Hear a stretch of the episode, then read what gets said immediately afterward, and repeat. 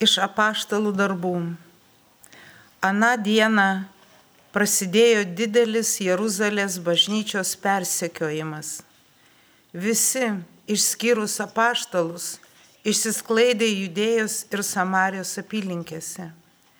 Dievo baimingi vyrai palaidojo Steponą ir labai jį apraudojo.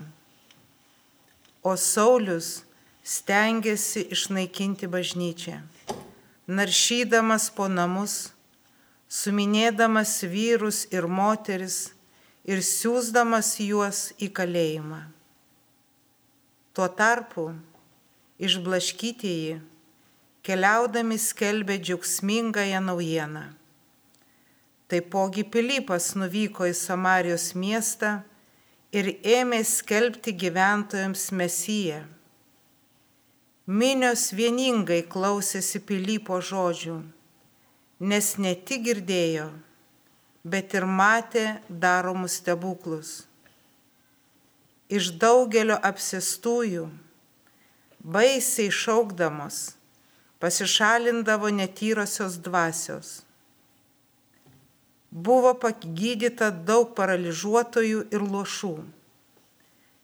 Taigi, didelis džiaugsmas pasklido po tą miestą. Tai Dievo žodis. Dėkojame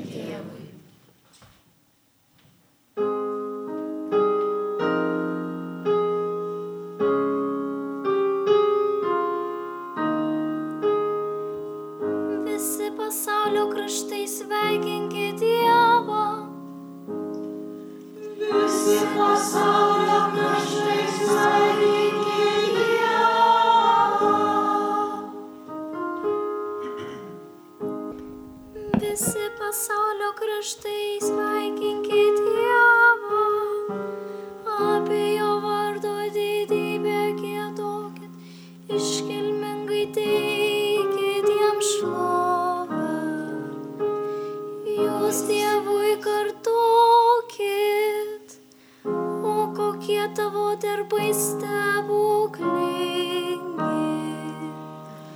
Visi pasaulio kraštai sveikinkit Dievą. Dasilenkite gėdą tau visą žemę, te garsina tavo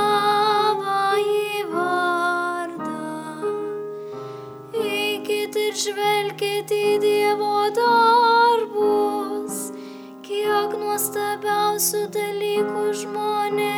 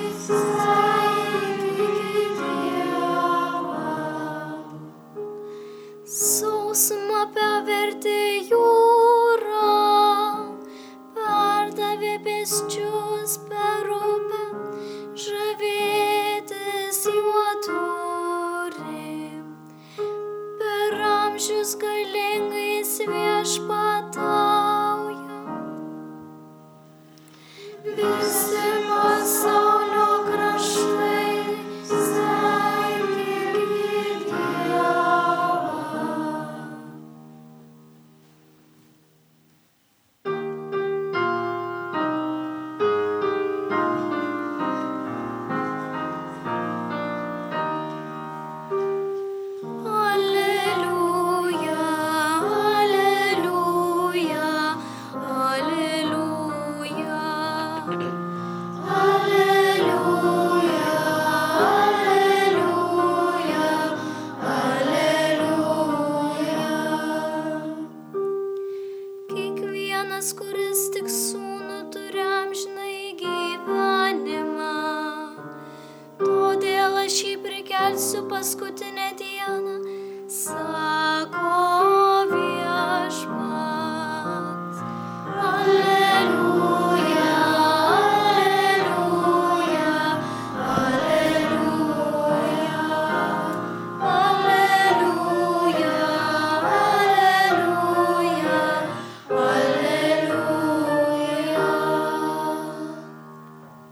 Viešpat su jumis.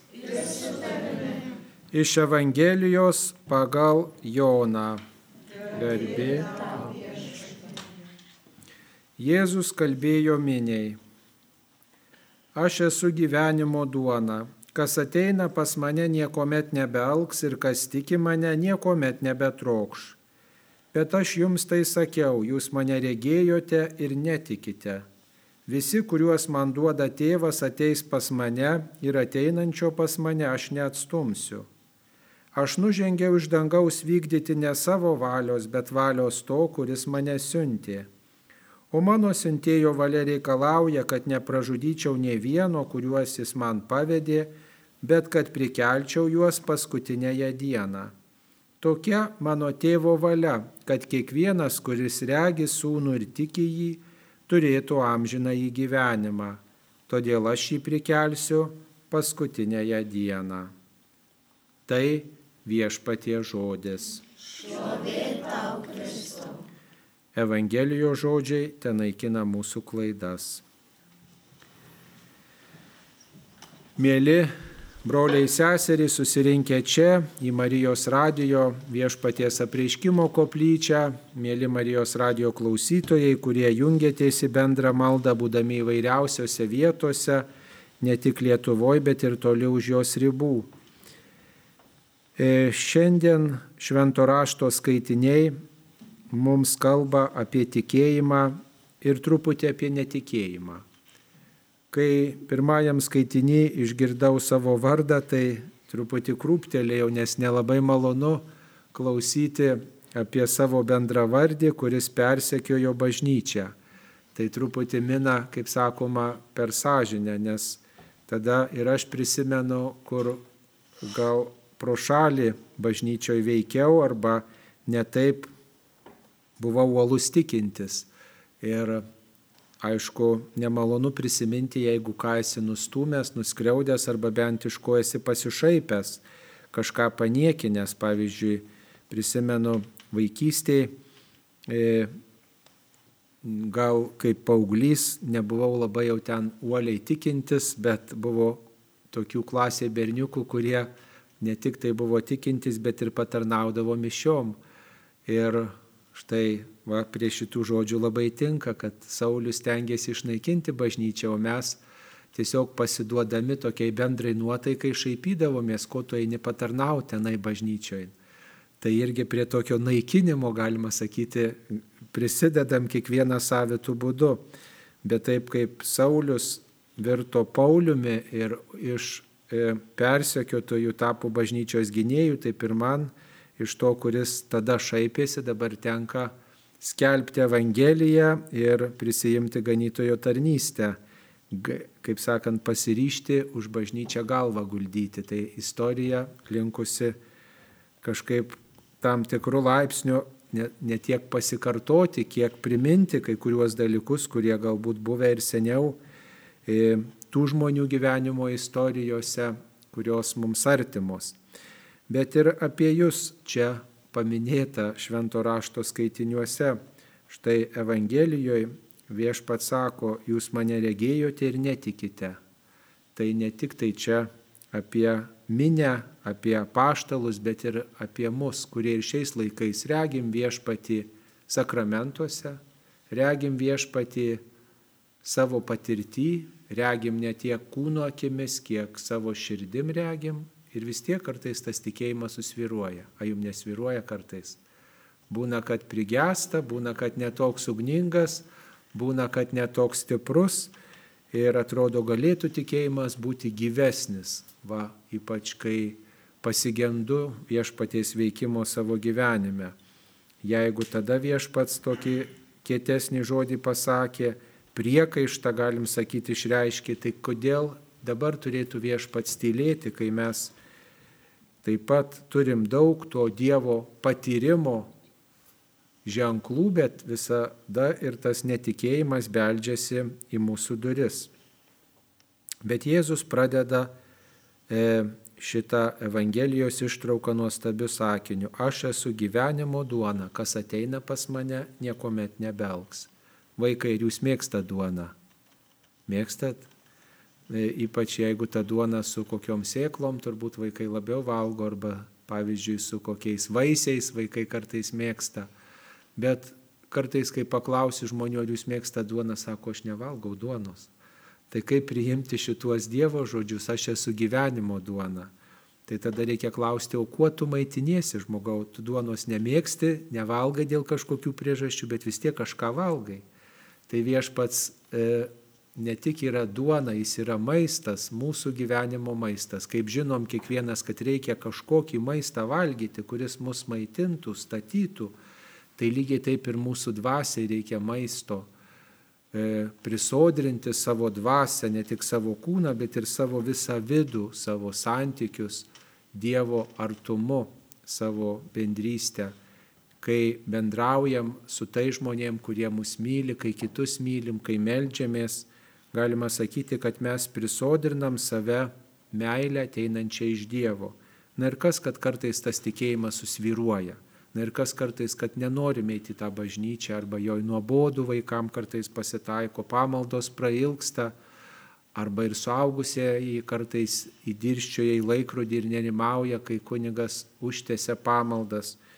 Bet vis tiek viešpats e, mūsų laukia tokių, kokie esam ir taip nori mus maitinti, stiprinti ir gaivinti ir mūsų netikėjimą pripildyti tikėjimu.